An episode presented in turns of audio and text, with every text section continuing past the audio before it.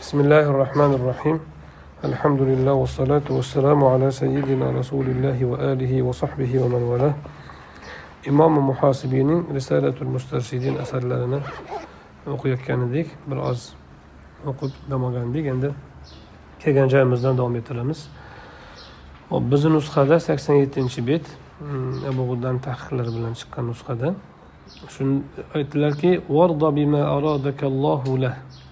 undan oldingi jumlada hazrati alini gaplarini keltirib ha, keyin e, kishi sinaladi yaxshilik yomonlik bilan sinaladi degan gapni aytdilar. Undan keyin aytdilarki biz qoida qilib olamiz deb aytgan gapimiz bor edi.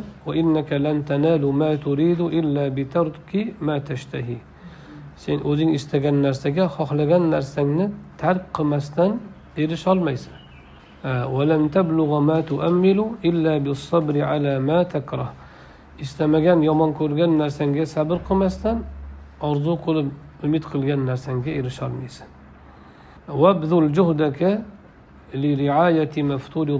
O'zingga zimmangga farz qilingan narsalarni rioyasini qilish ya'ni adosini qilishga bori kuchingni sarfla. Juhd bor jahd bor. Ba'zi lug'aviylar ikkalasi bitta deydi. Lekin e, furuq lug'ada ajratishadi. Juhd bo'lsa toqat bo'ladi. Jahd bo'lsa mashaqqat bo'ladi. Shuning uchun juhdaka desa bori toqatingni bori kuchingni sarfla degan e, endi shu nasihatni davom ettiryaptilar biz ilgari ham aytganmiz muhosibiyni bu kitoblari oddiy mo'min musulmonga siz bilan bizga o'xshagan oddiy musulmonga o'zini isloh qilmoqchi bo'lgan oddiy insonga nasihat ohangida aytilgan. Bunaqa bir fiqhiy kitobga o'xshab yoki bir ilmiy asarga o'xshatib boblarga bo'linib mavzularga bo'lib unaqa emas. Shu o'ziga qalbiga quyilgan nasihatni aytib ketaverganlar. Ba'zi ma'no takror ham kelaveradi. Bir mavzu mavzudan ikkinchisiga o'tib yana birinchisiga qaytaveradi. Shunaqa. Hozir endi e, o'sha mm, sabrga chaqirib e, farz bo'lgan amallarga bor kuchni sarflashni aytgandan keyin nima dedilar? Lahu degan zamir maga qaytadi. Alloh taolo senga nimani seni nimaga istagan bo'lsa o'shanga rozi bo'l. Ya'ni senga nimani istagan demayapti. Seni nimaga istagan bo'lsa. Ya'ni sizni alloh subhanahu va taolo masalan e, bir xizmatga qo'ygan bo'lsa bir tohaga qo'ygan bo'lsa uni qayerdan bilasiz olloh sizga o'sha narsani iroda qilganini? Alloh taolo sizni o'shanga o'zi yo'llab qo'yadi. Yo'lingiz oson kechadi o'shanga va undan chiqishingiz ham qiyin bo'lib qoladi. O'shanga rozi bo'l. Masalan alloh taolo sizni quruvchi qilib qo'ygan bo'lsa quruvchilik ravnaq qilib bergan bo'lsa shunga rozi bo'l. O'shandan jannatni topib olasan o'qituvchilikka qo'ygan bo'lsa unga rahbarlikka qo'ygan bo'lsa unga xodimlikka qo'ygan bo'lsa unga. Alloh taolo qaysi ishgaki seni iroda qilgan bo'lsa o'sha o'shanga rozi bo'l. قال ابن مسعود رضي الله عنه ابن مسعود رضي الله عنه aytganlarki irdo bima qasamallohu lak takun min ag'nan nas واجتنب ما حرم الله عليك تكن من أورع الناس alloh subhanahu va taolo senga qismat qilib bo'lib bergan narsaga rozi bo'l odamlarning eng boyi eng behojati bo'lasan alloh senga harom qilgan narsalardan o'zingni uzoq tut Odamlarning eng parhezkori bo'lasan. Odam o'sha sabrda rizoda sinaladi rizo bu qalbning sifati. Sabr kabi axloq. Tasavvufda alohida maqom sifatida o'rgatiladi mashq qildiriladi.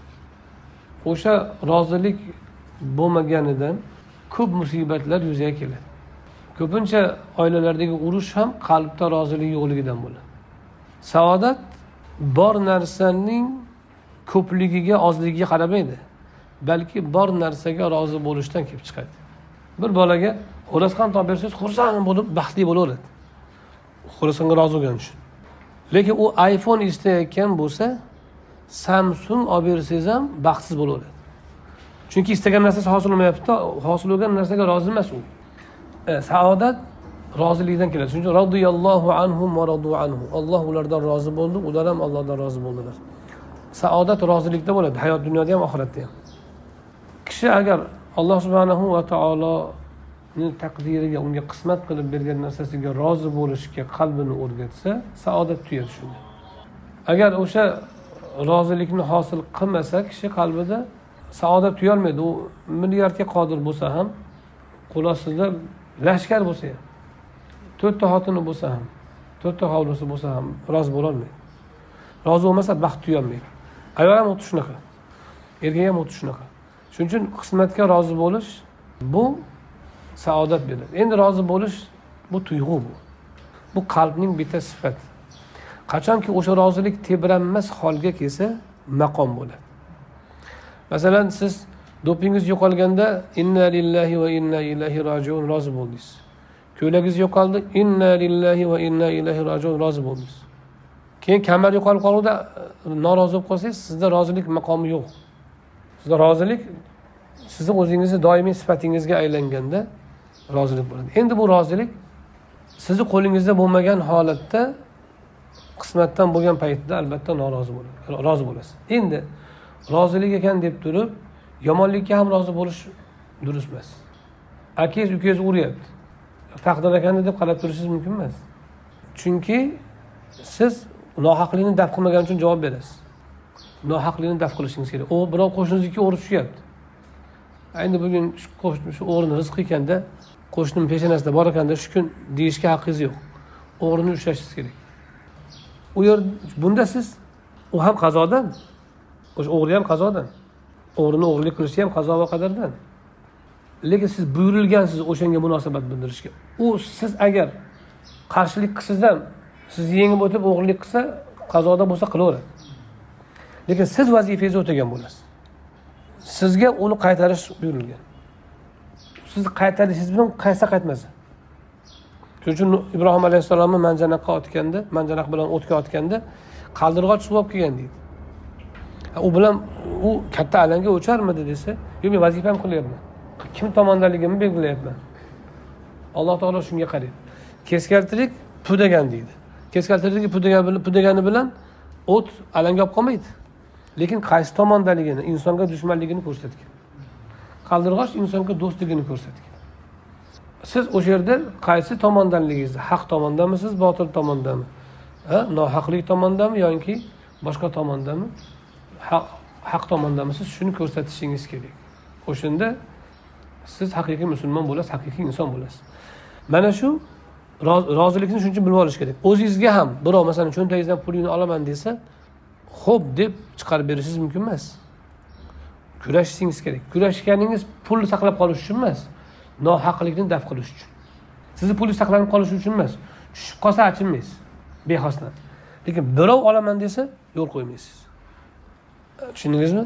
Mana shu rozilikni me'yorini bilib olish kerak. Rozilik bu sizni qo'lingizda bo'lmagan va siz o'zgartirishga taklif qilinmagan o'rinlarda talab qilinadi. Ammo siz o'zgartirishga taklif qilingan buyurilgan o'rningizda shariat buyurgan o'rinda qo'lingizdan keladigan paytda huquqlarda rozi bo'lib turishingiz mumkin emas. Agar shunday siz hamma narsaga rozi bo'ladigan bo'lsangiz unda dunyoda adolat tugaydi. Endi ba'zi tasavvuf ulamolarida masalan ibrohim adhamga bir kishi u kishi bog'da birovni bog'ida ishlayotgan paytida shu bog'ni mevasidan bergin manga deydi. Desa ibrohim adham egasi menga huquq bergan emas unga deydi. Man faqat qarab beraman xolos u sotish meni ishim emas berish meni ishim emas deydi. Desa boshiga bir tepadi. Tepganda ibrohim adham aytgan ekanlarki boshlarini egib tep mana shu boshga. Osiy bo'lgan boshga tep. Bir adabini bergin. Deganda haligi odam xijolat bo'lib ketib qolgan. Endi shu yerda u kishi nimaga zulmni qaytarmadi? Desa u kishi bilgan o'shin bilan zulmi qaytarilishini tushundingizmi? U ah, tepolmay qolgan undan keyin. E, O'shani bilgan o'shaning shunday javob bergan. Shu bilan birga nafsni ham tarbiyalaganki bu osiy osiy bandaman jazoimni ko'rishim kerak. Mana shu tepki yedimmi sendan? Qaysidir aybimga yoki qaysidir nuqsonimga. Yoki bir darajat bo'lsa ajab emas endi o'zidan darajat kutmaydiyu lekin nuqsonimdan deb biladi. O'sha nuqsonim yuvilsa ajab emas yana tep deb nafsiga ham tarbiya bergan shu bilan haligi odamga ham tarbiya bergan tepolmasdan qaytib ketgan. Olmani ham so'ralgan emas qaytib. U maxsus o'rinlarda o'sha egalari qiladi. Siz ham shunday holatda qilishingiz mumkin. Va o'zingizga nisbatan bo'lganda uni ko'tara olgan paytingizda. Lekin o'zi ko'tarolmaydigan bo'lsangiz yoki birovga nisbatan bo'lganda unga qisqarib turishingiz mumkin bo'lmaydi. Endi alloh subhanahu va taolo senga qismat qilib bergan. Qismat qilib bergan narsasi bo'yingiz shaklingiz naslingiz nasabingiz boyligingiz turar joyingiz hammasi qismat. Ana shularga rozi bo'lishingiz. Ag'nannas g'aniy degani bizda ko'pincha boy so'zini o'rniga ishlatiladi. Boy degan ma'noda. Lekin o'zi g'aniy boy degani emas g'aniy behojat degani. Boy odam odatda narsasi ko'p puli ko'p bo'lgandan behojat bo'lgani uchun boshqalardan. Boy odammi moli ko'p odammi boy deyishga g'aniy deyishga o'tilgan. O'zi asli moli ko'pni sariyun deyiladi. Sariyun. O'zi moli ko'p sariy bo'ladi. G'aniy moli ko'p emas g'aniy behojat. Ammo g'ino behojatlik moli ko'plikdan kelib chiqqani uchun ko'pincha moli ko'pni g'aniy deyishga o'tilgan. Takun min ag'nannas odamlarning eng boy eng behojatlaridan bo'lasan. Chunki odam nimaga birovga ko'z tikadi? Masalan birovga yoqaman deb turib o'zi xohlamagan gapni aytasiz o'zi xohlamagan takallufni qilasiz o'zizga yarashmagan ishni qilasiz nimaga? Unda nimadir ilinjida nimaga undan ilinjingiz bor? O'zingizdagi borga rozi emassiz. Tushundingizmi? O'zingizda bor narsaga rozi bo'lmasangiz boshqadagi narsaga ko'z tikishga o'tasiz. O'sha ko'z tikish tama deyiladi. Shu tamagirlik sizni o'zingiz istamagan hollarga tushishga olib keladi. O'shaning uchun eng behojat odam bo'lasan. Qachon? O'zingda boriga qismatga rozi bo'lsang. Bu o'ta katta sifat. Mana shu sifatlar yo'qligidan butun tarixdagi urushlar. Mana shu sifat yo'qligidan. Insoniyat tarixini o'rgansangiz to'qson besh foiz urush mol yer talash bo'lgan. To'qson foiz yoki. Nimaga? O'zini yeri bor. O'zini tagida moli ham bo'lgan. Boshqanikiga ko'z o'ylatilganda u. Seniki ham meniki bo'ladi degandan. U o'zidagi rozi bo'lmagandan o'sha shundan urush chiqqan butun insoniyat tarixi. Tarixda o'rganingda hammasi shu. Hozir ham shu. Hozir ham shu bir birini ustiga bosim qilgan boshqa qilgan. Hammasi o'zidagi bor narsaga rozi bo'lmaganlar. Insoniyatni eng katta musibati va eng katta baxtsizligi shu o'zidagi qismatga rozi bo'lmaganligi shaxslar darajasida ham jamiyatlar mamlakatlar darajasida ham. Mana bu sifatni agar musulmonlar har bir shaxs o'zida o'zlashtirib olsa o'ta katta saodat tuyadi tugadi alloh taolo senga harom qilgan narsadan chetda bo'l. Jambun yon degani yonda chetda bo'l.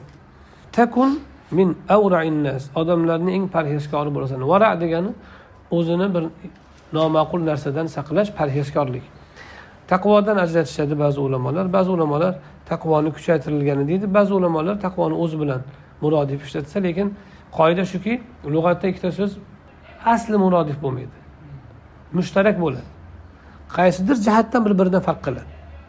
Doroba urdi latoma ham urdi latoma yuzga urdi xosatan tushundingizmi? Hmm, e, o'sha ba'zidir ba'zi bir jihatdan bir biridan farq qilishi bilan u yuzga yuz murodif bo'lmaydi. Qaysidir ma'nosida yoki o'zagida o'zak ma'nosida ishtirok etgan bo'ladi mushtarak bo'ladi. Bu yerdagi varaq ham taqvodan farq qiladi asli. Ulamolar e, ta'rifida ko'proq taqvo deganda oxiratda zarar keltiradigan narsalardan o'zini tiyish vara oxiratda foyda keltirmaydiganlardan o'zini tiyish.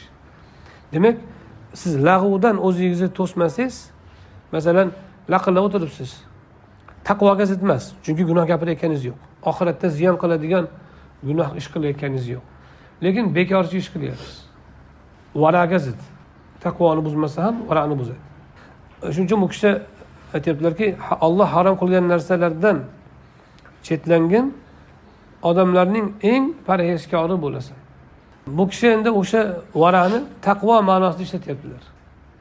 Eng taqvolisi bo'lasan demoqchi.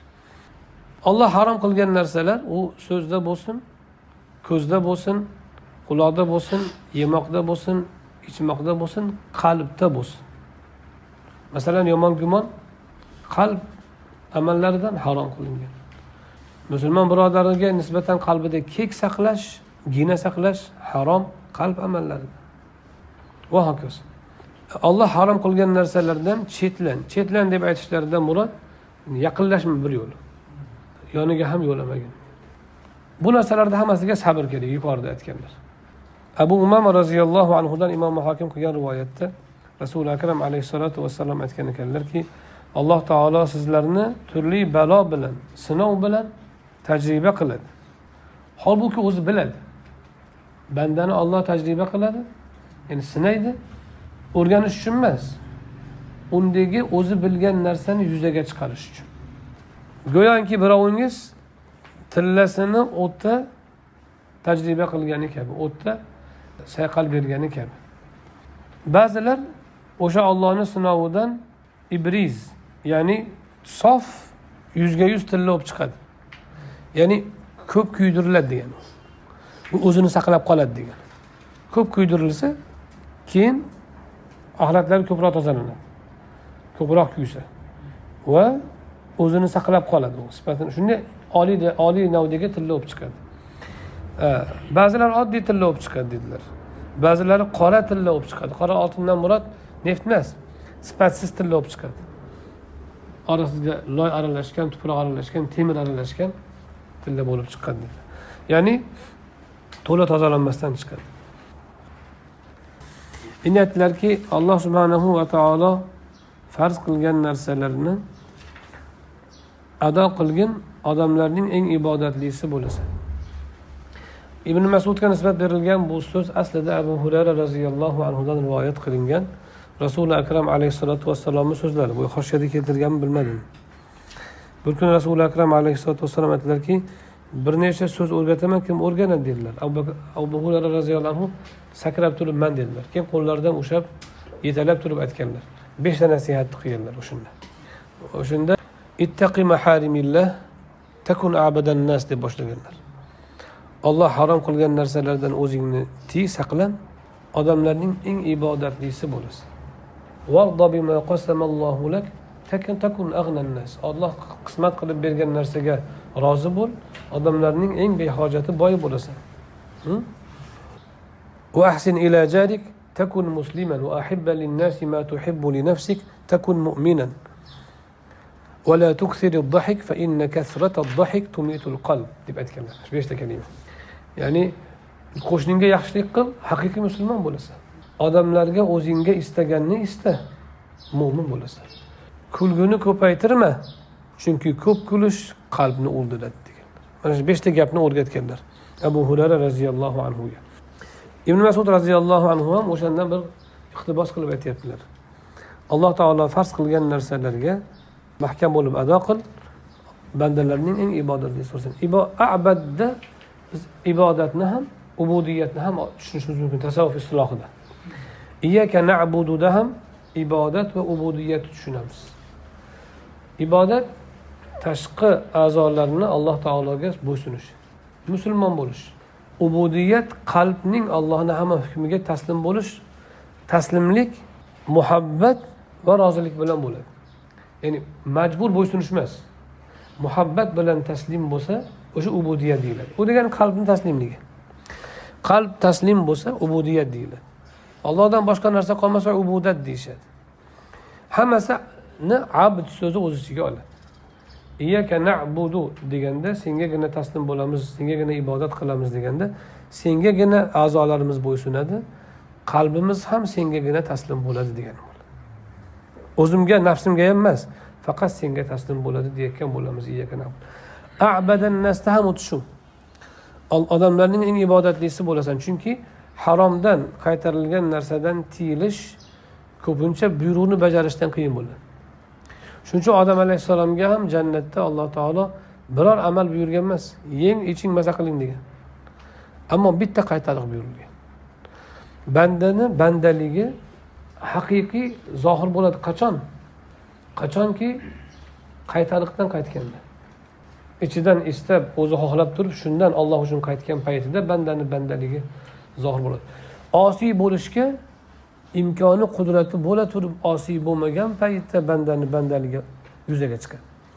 Shuning uchun odam alayhissalomga o'sha taqiqni qo'ygan.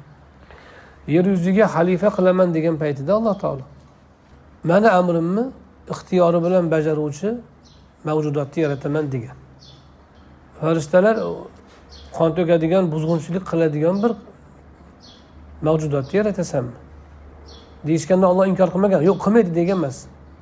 O'sha narsalarni taqrir qilgan e'tirof qilgan.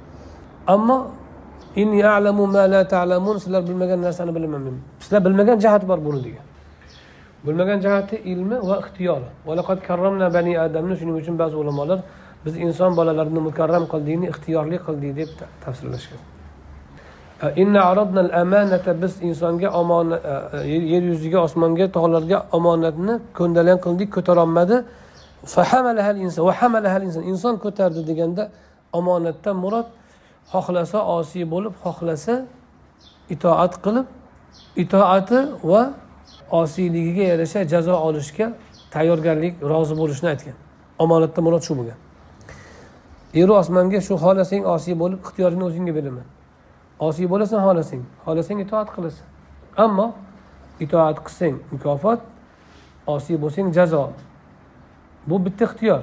Shu omonatni zimmangga olasanmi? Yoyinki ixtiyoringni bermasdan o'zim boshqaraymi? Yo parvozga o'zing boshqaraver degan. Ko'tarolmagan. Ammo inson ko'targan. Inson ana shu osiy bo'lish ixtiyori bo'la turib osiy bo'lmasligi bilan ollohni oldida maqom topadi. Xalifaligi ham shunda. Odam alayhissalomni xalifa qilaman deganda ham ma'nosi shu. Shuning uchun mevani yemaguncha jannatda yuravergan. Holbuki yerga yaratilgan odam. Yer uchun yaratilgan xalifa qilib. Yuravergan jannatda. Mevani yemaguncha nimaga? Mevani yegan paytda osiy bo'lgan. Ammo shu osiyligi yerga xalifa bo'lishga uni munosib qilgan. Nimaga?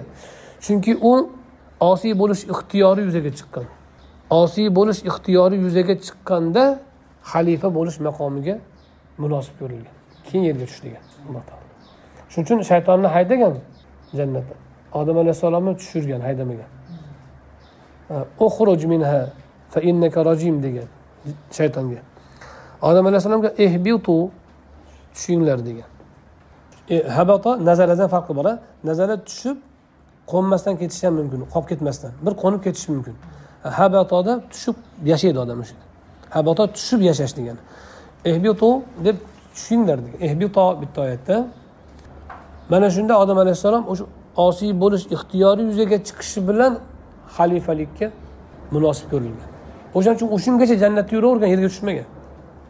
Endi mana shunda odam alayhissalom darrov qaytdi orqaga qaytishi bilan va keyin qaytib osiy bo'lmasligi bilan osiy bo'lish ixtiyori yuzaga chiqqandan keyin osiy bo'lmasdan yurish bilan ana shu bilan bandalik yuzaga chiqqan. Ubudiyat shunda yuzaga chiqadi. O'shaning uchun olloh harom qilgan narsalardan chetlan eng ibodatli banda bo'lasan deyaptilar. Ammo bir kishi bir tomonda namozni o'qib ikkinchi tomonda g'iybatni ham qilaveradigan bo'lsa bir tomonda ehsonni qilib ikkinchi tomonda haromni yeb qo'yadigan bo'lsa u banda emas u. U odamni birorta ibodati amali qabul qilinmaydi. Banda taslim bo'ladi. Kuchi yetmasdan qilib qo'ygan paytda darrov qaytadi. O'sha odamni gunohi kechiriladi. Xotirjam qilib yurgan odamniki kechirilmaydi. To qat'iy tavba qilmaguncha. Ana shu banda ubudiyat va ibodatni o'zlashtirgan bo'ladi. Shu odam abdulloh bo'ladi. Iyaka nabudu deganda banda musulmon shunga va'da berayotgan bo'ladi. Vujudim tanam butun a'zolarim seni buyrug'ingdan chiqmaydi faqat senga taslim bo'ladi. Qalbim ham faqat senga taslim bo'ladi deyotgan bo'ladi. Iyaka nabudu degan va iyaka nastain bu vujudimni senga taslim qilishda qalbimni senga taslim bo'lishda o'zingdan yordam so'rayman deyayotgan bo'ladi demak ibodat va ubudiyatni abd so'zi jamlaydi.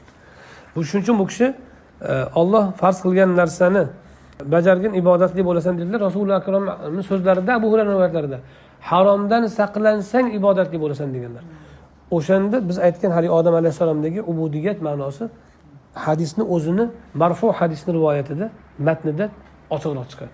Tushunarlimi? Senga rahm qilmaydigan odamga senga eng rahmli bo'lgan zotdan shikoyat qilib o'tirma. Ollohdan bandasiga shikoyat qilma demoqchi. Ollohdan bandaga banda senga rahm qilolmaydi baribir. Inson sizga rahm shafqat qilishi mumkin. Rahmi kelsa unda ham vaqti yetgancha toqati yetgancha kuchi yetgancha u o'ta oz o'ladi. Otangiz o'lganda katta musibatda xolos. Odamlar kirib ta'ziya bildiradi. Uch daqiqa. Bo'ldi undan keyin sizni g'amingizni u his qilmaydi. Ammo otani musibatini siz yillar his qilasiz kerak bo'lsa. Har qanday shunaqa dardingizni o'ylang kasal bo'lganingizni o'ylangda kelib vo juda ichim og'ridi shu odamga deydi. Uch soniyada o'tib ketadi. O'zi bilan band bo'ladi hamma. Chunki o'zini ham bir dardi bo'ladi inson. Shuning uchun sizga rahm qilolmaydigan odamga sizga rahm qilib turgan zotdan shikoyat qilmang. Alloh taolo bergan qismatdan insonga shikoyat qilmang. Bu ahmoqlik bo'ladi e, va gunohga bottiradi. Vastain billahi takun min ahli xossati alloh taolodan yordam ol yordam so'ra allohni xos bandalaridan bo'lasan. Bu gaplardan murod istiona yordam olish. E, Avun yordam olish yordam so'rash. Yordam so'rash degani nima degani? O'zi harakat qilyapti degani. Siz birovdan yordam so'rasangiz bir qancha ma'no bo'ladi uni tagida. Man sizga aytsamki shu stolni ko'tarishib yuboring desam yordam so'rayotgan bo'laman.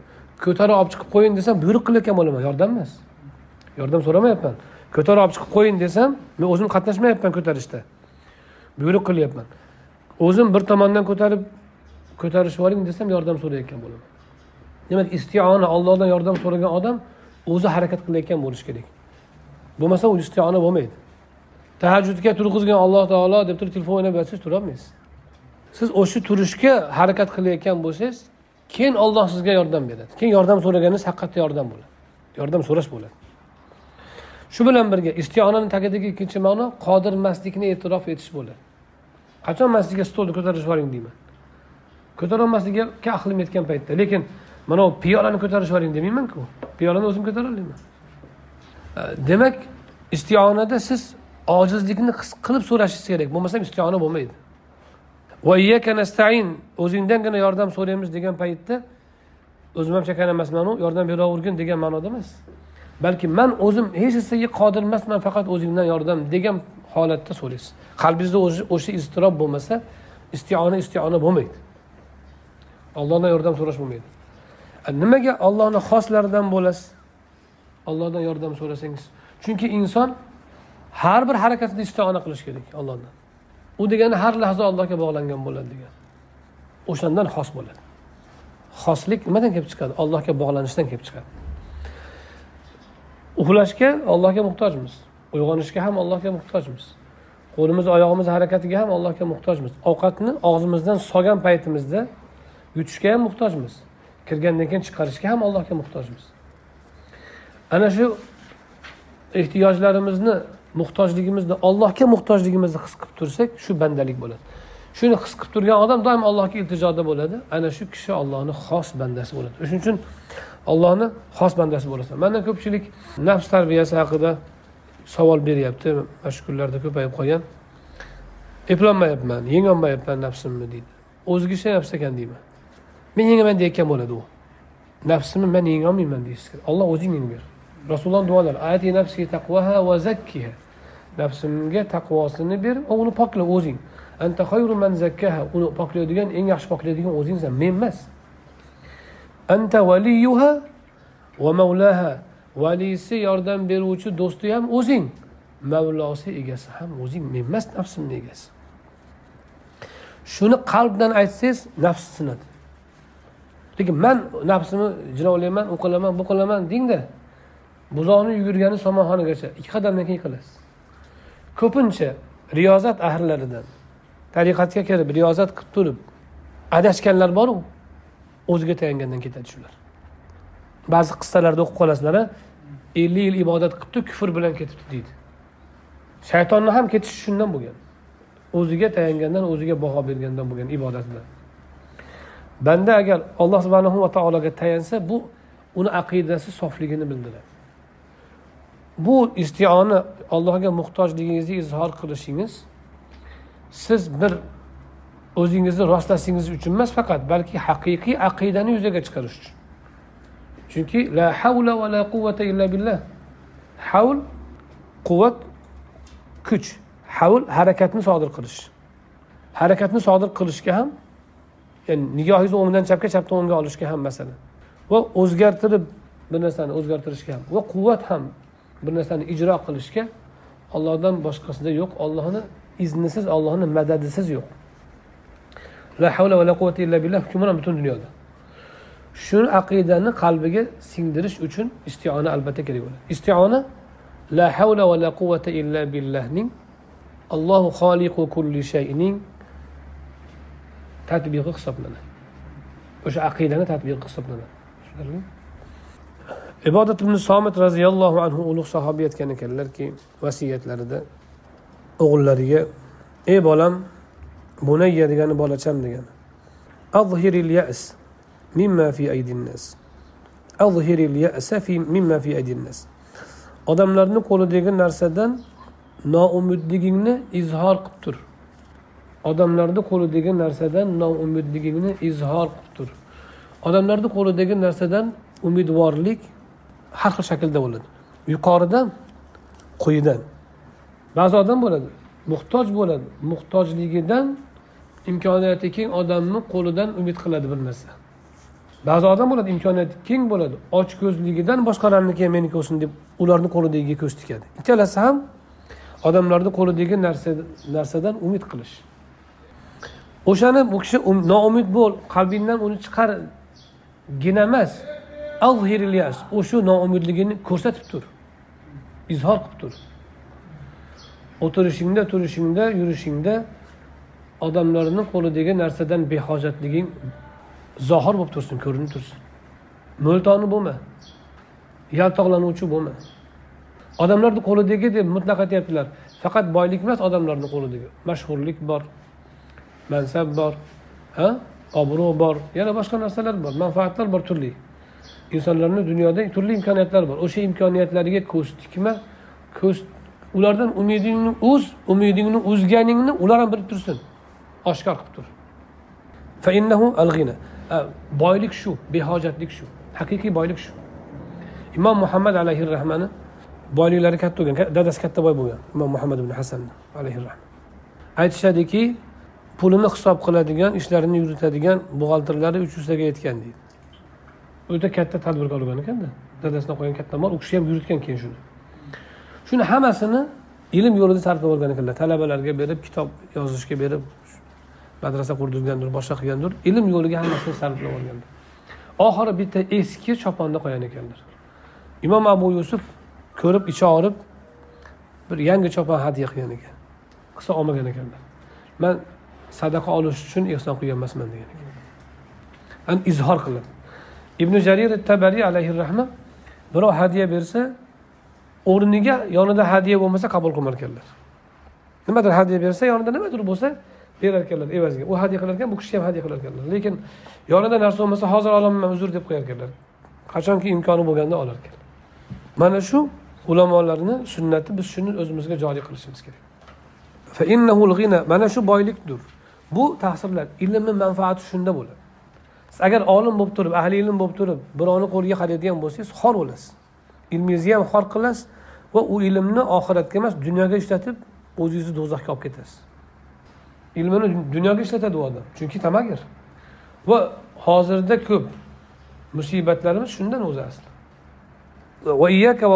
Tamagirlikdan saqlan. Odamlardan hojatingni talab qilishni ham undan saqlangan muhtojlik kambag'allik shu. Sen boylikni pulda kambag'allikni yo'qchilikda deb o'ylama yo'q. Boylik sen boshqalardan behojat turishing. Kambag'allik boshqalarga hojatingni aytib turishing. Bu yerda ba'zi bir oz nozik nuqta bor.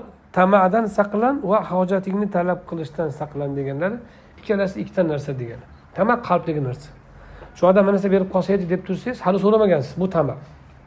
So'rasangiz bu talab qalbingizda o'sha istak hosil bo'lishidan ham qochishingiz kerak. Endi tolib ilm masalan o'zini qalbini isloh qilmoqchi bo'lsa bunda qarasin bir joyda turibsiz. Shu odamdan bir narsa kelib qolsa edi deb qalbingizga kelib qoldi. Yoki birov masalan bir fotihaga kirdingiz birov bir narsa berdi. Esiga kelmagan paytda berdi. Olib ketavering hadya qabul va halol. Lekin siz nimadir berarmikin degan umidda kirdingiz. Bu yerda siz qalbingizni buzadi shu. Deganlar. Tama ulamolarni qalbidan hikmatni yo'qotadi. Tama ulamo ulamolarni qalbidan hali biz ulamo bo'lganimiz yo'q. Ulamo bo'lganingizdan keyin ham qalbingizga tama kirsa hikmatni yo'qotadi hikmat nima? Olgan ilmini to'g'ri sarflash o'rniga tadbiq qila olish ilmi. Ikkinchi ilm u hikmat alohida ilm va quvvat hisoblanadi.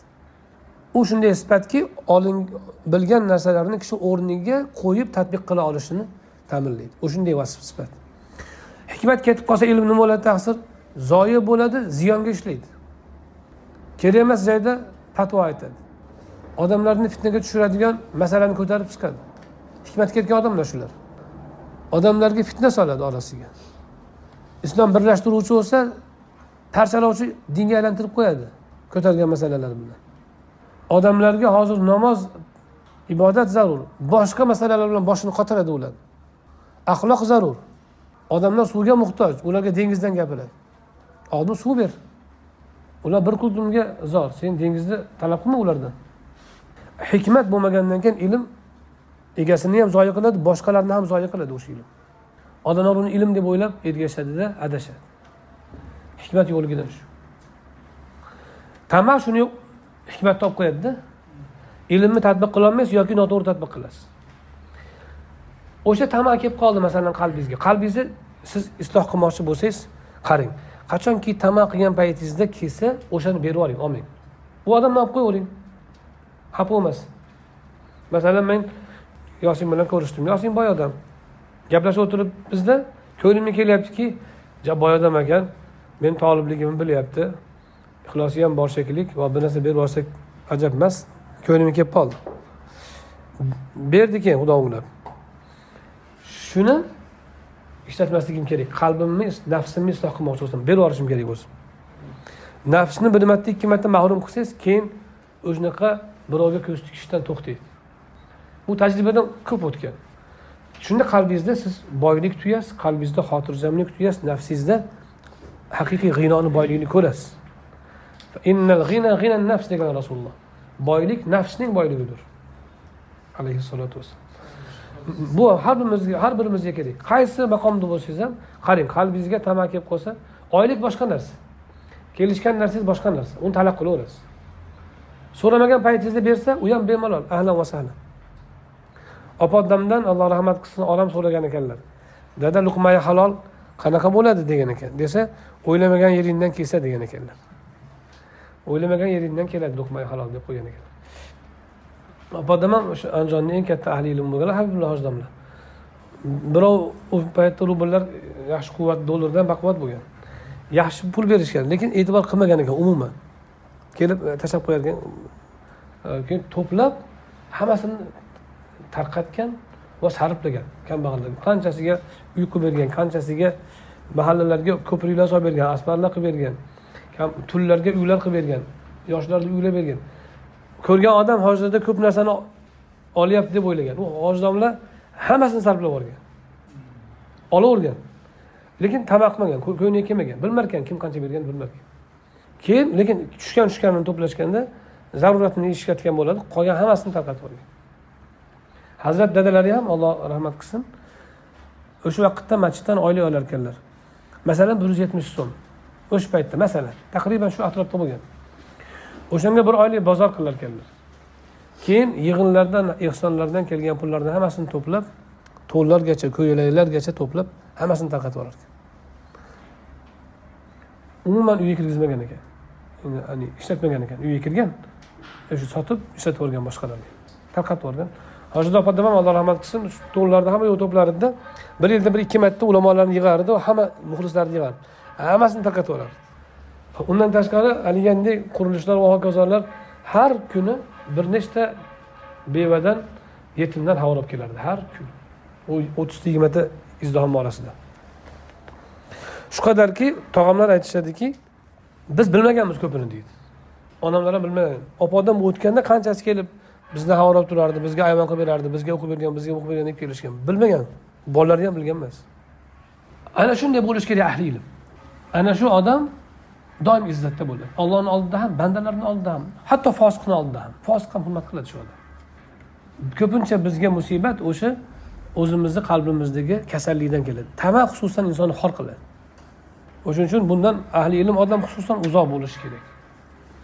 Imom ahmadga amir hadya jo'natar ekan xalta xalta tilla jo'natar ekanda olmar ekanlar endi haligi amir yonidagilar sal gijgijlamoqchi bo'lib shekillida sizni hadyangizni olmaydi bu imom ahmad deyishibdi. Endi go'yoki taqsir sizni topganingizni harom deydida u demoqchida. Amir ham ixlosi baland ekanda imom ahmad mani tillami nima qilsin?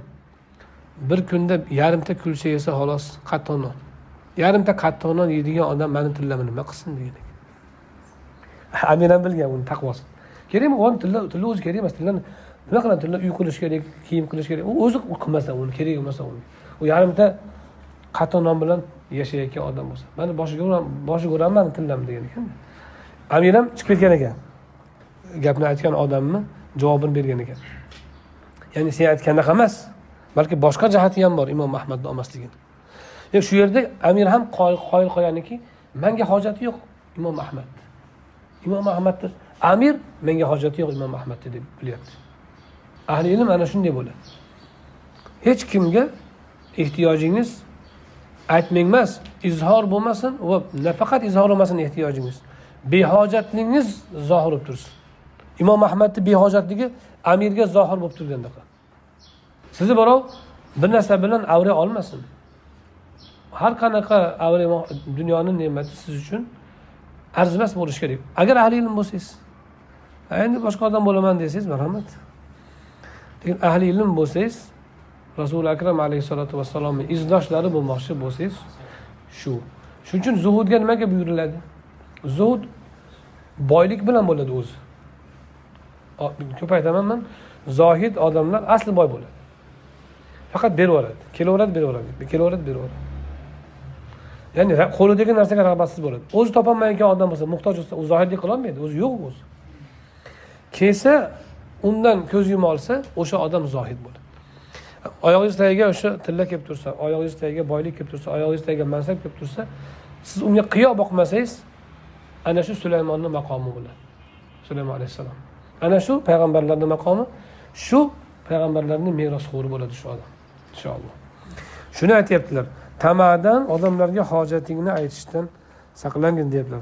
Mana shu rivoyatda ibodat ibn somitni bir ajoyib ishlari bo'lgan.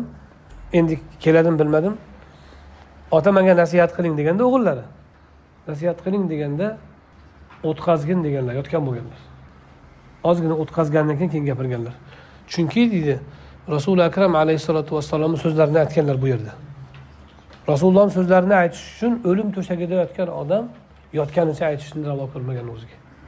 Orqasini tiyatib keyin aytganlar buni orasida boshqa gaplar ham bor. Qalam deb boshlangan asli. Birinchi olloh yaratgan narsa qalamdir hamma narsani bit bo'lgan o'sha uchun o'zingni kuydirma deb davom ettirganlar mana shu gapni e, sollu solata muvaddi deb qo'yadi misrni ba'zi imomlari. Namozdan oldin. Istav orada ochiq joy qolmasin deb turib birinchi saf ikkinchi saf to'ldiringlar hammasini deb turib keyin oxirida vidolashayotgan odamni namozini o'qing deb qo'yadi bu kishi o'sha gapni aytyaptilar shu gapni olib aytishadi ular vidolashuvchi ya'ni hayot bilan vidolashayotgan odamni namozini o'qigin abdulla qodiriyni to'rtinchi oktyabrda otishganda o'sha shahidlar maydonida otishgan. O'sha vaqtda e, bir tepalik bo'lgan o'sha tepalikdan otib pastga yumalatib bo'lgan o'sha yaqinda yashaydigan odam abdulla qodiriyni taniydigan odam ekan qadrdonligi bor. Bir sharpa eshitildi kechasi deydi. Unda qarasam abdulla deydi. O'risga aytdiki man namoz o'qib olay dedi deydi. Keyin torat qildi obdastida suv olib torat qildida keyin kostyumini yechib nima? Jiketini yechib ikki rakat namoz o'qidi keyin o'q ovozi eshitildi. Men tirqishdan poyladim shuni deb aytgan. Ana shunday namoz tasavvuringizga keldimi hozir? Shu namozni qanday o'qigan bo'ladi abdulla qodiriy o'zi o'ylang buni birinchi sunnat qilgan hubayb roziyallohu anhu bo'ladi. Asirga tushgan makka mushuklarni qo'liga. O'sha kishi birinchi bo'lib shu ikki rakat o'lim oldidan namoz o'qishni sunnat qilganlar. Har bir kishini o'zimiz har birimizni oxirgi namozimiz bo'lishi mumkin har bitta namozimiz. Ma'rufi karhiy alayhi rahmat urganlarida bir kishiga u kishi iqoma aytibdilarda imomlikka o'tgin debdilar bir kishiga. Desa u haligi odam o'zicha betakaliflik qilmoqchi bo'libdida mayliyu bu safar o'taman ammo keyingi namozga o'tmayman debdi. Desa ma'rufi karhiy i sen hali ikkinchi namozga yetib boraman deb o'ylayapsanmi degan ekanlar nauzu billahi min tulil amal. U orzu umidni uzunligidan olloh saqlasin amaldan qoldiradi degan ekanlar. Bu namozga o'tamanmi mayli keyingisiga o'tmayman imomlikka olma desa sen hali keyingi namozga yetib boraman deb o'ylayapsanmi? Ana shu har bir namozni oxirgi namoz deb o'qish tasavvufda tariqat naqshbandiyada xosatan ta'kidlanadi. Shu mana shu salaflarni so'zlaridan olingan sunnatlardan olingan. Vidolashayotgan odamni namozi qanday bo'ladi? O'zlari shundan boshqa imkoniyati yo'q. Oxirgi ikki rakat yoki oxirgi to'rt rakat. Eng mukammal suratda bajarasiz. Na molingiz na ahlingiz na boshqa narsa esingizga kelmaydi. Mana shu oxirgi allohga munojotim shu munojotimni oxirida allohga ro'para bo'laman desangiz allohga qanday murojaat qilishingiz mumkin? O'lganingizdan keyin mag'firat duo qilasiz o'tmaydi. Undan oldin mag'firat so'rab olasiz keyin o'tadi. O'lgandan keyin hamma tavba qiladi. Robbana absorna va sami'na farjana. Mulhid xudoni inkor qilgandan o'lgandan keyin ko'rdim mana olloh mana eshitdim hamma yoqni endi qaytar endi ibodat qiling deydi. Hamma aytadi bu gapni u tavba tavba emas. Hatto g'arg'arga kelgan paytdagi tavba ham tavba emas. Undan oldingi vaqtdagi tavba tavba. Lekin har bir soniya bizga oxirgi bo'lishi mumkin. Shuning uchun ikki rakat namoz qanday o'qiymiz o'zi ham oxirgi namozimiz bo'lsa. Shu namozda kechirilsa kechirildik gunohimiz bo'lmasa bo'ldi kechirilmaydi. Qanday tavba qilamiz o'sha namozda? Shu namozdagi subhanalloh bizga daraja beradi. Oldingilarga ishonch yo'q. Qanday tasbeh aytamiz? Ana shu holatni qalbimizda ruhimizda hozirlab turib namoz o'qishimiz kerak. Muvaddini namozi shu. Muvaddi deganni ma'nosi shu. Bu kishi u yerda e, mana shunga bir qancha misollar keltiradilar. Salafi solihlardan. Abdurahmon ibn abu nom al bajali kufiy alloh u kishini rahmat qilsin birinchi hijriy hijriy asrda o'tganlar kufali bo'lganlar. Aytiladiki bukayr ibn omir aytgan ekanlarki agar abdurahmon ibn abu nomga o'lim farishtasi kelib qoldi ruhingizni joningizni olmoqchi deb aytilsa ayni damda qilayotgan ibodatlar amallarini ustiga qo'shimcha qilolmasdilar. Ya'ni shu shu darajada amal qilar ekanki undan ortig'ini o'zi iloji yo'q ekanda. Ertaga ajalingiz keladi desa masalan biz ko'proq namoz o'qib ko'proq tasbeh aytib ko'proq ehson qilishga urinamiz to'g'rimi? U kishi uni qilolmar ekan chunki oxirgi imkonni sarflayotgan bo'lar ekan har kuni o'zi. Agar u kishiga ertaga ajaling keladi tayyorgarligini qil desa kundaligini o'zgartirolmasdi deydi. Kundaligi o'zi o'sha oxirgi kunda yashardi har kun. Yana zikr qilamiz hojiza opadan alloh rahmat qilsin shunaqa edilar. Ko'p vasiyat qilgan bunga ham. Bum aytardiki e, ellik yildan beri vasiyat qilasiz siz men men siz men o'laman sizdan oldin deb qo'yardi. Haqiqatda bum bir yil oldin o'ldi opodamdan lekin opadamlar mana shu sunnatga amal qilgan. Har kuni o'limga tayyor turgan. Vasiyati doim aytilgan. O'zgarsa vasiyatini o'zgartirib qo'ygan va birovdan birorta moliyaviy haqqi qolmagan va biror kishini xafa qilmagan doim ajalga tayyor turgan kafanga tayyor turgan. Mana shu mo'minni sifati. Namozingizni vidolashayotgan kishidek o'qing deyayotgani ham xuddi shu amalingizni oxirgisi deb qiling. Abdurahmon ibn abu nom shunaqa bo'lgan ekanlar. Ya'ni agar u kishiga o'lim riski kelib qoldi farishta kelib qoldi desa birorta narsa qo'shimcha qilolmasdi deydilar. Yana salaf solihlardan muslim ibn yasor haqida aytadilar. Ibn shavzab aytadiki muslim ibn yasor o'zining ahliga qachonki namozga kirsa aytarkanki nima gapirsanglar gapiraveringlar. Man gapinglarni eshitmayman deb qo'yarkan. Uylariga o't ketgan paytda odamlar kelib o'chirishibdi. Keyin u kishiga bu narsani zikr qilishgan paytda sezmabman degan ekanlar. Uyga o't ketganini sezmagan ekanlar. Namozga kirganda shunday kirar ekanlarda muslim ibn yasor uyga kirsalar haligi ota onasini otani hurmat qilib ulug'ni hurmat qilib jim o'tirishar ekanda keyin u kishi gaplashmoqchi bo'lsanglar men quloq qoqqandan keyin gaplashaverasizlar derkanlar. Quloq qoqqandan keyin eshitmagan eshitasan gaplashishaverar ekan bemalol. Biz birov namoz o'qiyotsa ehtiyot bo'lamiz. Gaplashmaylik namoziga xalaqit qilmaylik deb. U kishi aksincha e, namoz o'qiyotgan paytlarida gaplashaveringlar baribir eshitmayman derkanlar. Yana mansur ibn zazan bir yuz o'ttiz birinchi yil vafot etganlar. U kishi ham u kishi haqida ham aytilgan ekan. Hushaym aytadilarki agar u kishiga farishta o'lim farishtasi keldi desa agar eshikda turibdi desa amaliga biror narsani qo'sha olmasdi u kishi ham deydi. Yana keyingisi mansur ibn mu'tamir katta muhaddislardan. Sufyon aytadilarki sufyon savriy agar mansurni namoz o'qiyotganingni namoz o'qiyotganini ko'rganingizda edi bu odam hozir o'lib qoladi deb o'ylardingiz mansur ibn mu'tamirni hadisda ko'p keladi hamma musnat sunanlarda keladi. Mansur ibn mu'tamirni rivoyatlari o'ta ko'p. Shu kishi muhaddis bo'lganlar katta muhaddis namoz o'qiyotganini ko'rsang hozir o'lib qolar deb o'ylarding deydilar. Shu darajada allohga bog'lanib namoz o'qir o'qirkanlar sufyon ibn uyana aytadilarki kufada uch kishi bor edi.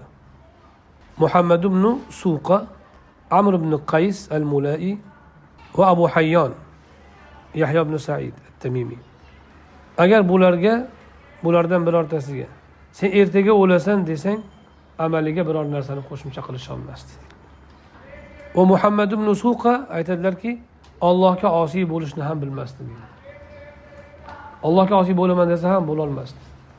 Bo'lishni istagan emas osiy bo'lish tabiatda umuman yo'q edi deydilar ya'ni u osiy bo'lish tabiatda bo'lgan ilgari lekin nafsi shuncha bo'ysundirgan mana shu e, va bu kabi misollar ko'p e, o'zi asli hazrati imom ham imom abu hanifa alayhi rahmaning ham laqablari qoziq bo'lgan vatad deyishgan nimaga desa qiyomda ko'p turgandan qiyomda namozda ko'p chunki u kishini mazhablarida qiyomni uzun bo'lgani afzalmi? Sajda rukuni ko'p bo'lgani uzun bo'lganimi desa u kishi qiyomni uzun bo'lgani afzal deganlar nimaga desa sajda bilan rukuda o'zingni gapingni aytasan har qancha zikr etsang qiyomda allohni kalomini o'qiysan degan ollohni kalomini hadis sharifda keladi. Kalami g'ayrihi ka fadlillahi ala xalqihi. Ollohni kalomini boshqa kalomlardan afzalligi ollohning boshqa maxluqotlardan afzalligi kabidir. O'zi qiyos qilinmaydi. Olloh olloh bandadan afzal deyolmaysiz u qiyos qilinmaydi. Lekin bu olloh bilan bandani o'rtasida farq shunaqa qancha katta bo'lsa ollohning kalomi bilan bandaning kalomini o'rtasida farq shuncha katta degan. Shuning uchun u kishi imom imom aytganlarki qiyomni uzuni afzal. Masalan siz bir soat namoz o'qimoqchisiz. Shu bir soatda yigirma rakat o'qiganingiz yaxshimi? o'n rakat o'qiganingiz yaxshimi? Yoki to'rt rakat yaxshimi qiroati uzun bo'lib desa to'rt rakat yaxshi deganlar qiroati uzun. Dalil qilib oysha roziyallohu anhoni hadislarini aytganlar. Rasuli akram alayhissalotu vassalomni tahajjudlarini zikr qilib to'rt rakat o'qirdilar. La tasal an tulihinna va husnihinna yoki an husnihinna va tulihinna. To'rt rakat o'qirdilar u to'rt rakatni go'zalligi uzunligidan so'ramay qo'yaver degan. O'ta uzun qiyomda turar ekanlarda hazrati imom shuni dalil qilganlar va o'sha allohni kalomi bo'lgani uchun u afzal deganlar o'shaning uchun o'zi uzun turgan o'shaning uchun qoziq deb nom olgan. Namozga shunaqa xushyo'li bo'lganlar. Mushaf misar ibn kidom hazrati imomni shogirdlari va katta muhaddislardan. Mushaf deb laqab olganlar. Qur'oni karim bir satrdaqa turar ekanda u kishini ko'zini oldida kim qayerdan shu ishtibosi bo'lsa so'rar ekan u kishi qur'on ochilgan qur'on deyishar ekan mushaf deyishar ekan ochilgan qur'on degan ma'noda laqablari mushaf. Misar ibn kidomni misarul mushaf deyishgan. Uylarini tepasiga chiqib olib o'qirkanlar namozni kechasida. Qo'shnilarini qizi aytarmishki dadasiga dada bir bir xodimni turardiyu o'sha yo'qib qoldi ya dermish. Kechasida sezilmaganda odamligi uzoq turganidan ko'rgan odamlar uni bir ustunmi deb o'ylar ekanda ana shunday namoz o'qishgan. Biz juda dangasa bo'lib ketganmiz taqsirlar. Shuni yaxshi bilaylikki ibodatimiz agar sunnatga muvofiq bo'lib o'sha mana shu aytgandek namozimiz agar joyida bo'lmasa jamoatda va joyida bo'lmasa ilmimiz bizni faqat ollohdan uzoq qiladi. U ilmni to'xtatib ibodatga kirishgan yaxshi. O'shaning uchun e, bu kishi shu nasihatni qilyaptilar. Hammamizga kerak. Har safar shu oxirgi namozimni deb o'qing. Oxirgi namozimni deb o'qiyapsizmi? oxirgi namozingizni deb o'qigandan keyin undan keyin o'lishingiz mumkinmi doim o'limga tayyor turing chunki o'lim yaqamizda turadi bu kishini solih bo'lishiga bu tushkunlikka olib kelmaydi bu tarki dunyoga olib kelmaydi bu dunyoni obod qiladi dunyoni obod qiladi mana shu yashash tarzi dunyoni obod qiladi dunyoni yaxshilikka ezgulikka to'ldirib tashlaydi سبحان ربك رب العزة عما يصفون وسلام على المرسلين الحمد لله رب العالمين. اللهم تقبل منا إنك أنت السميع العليم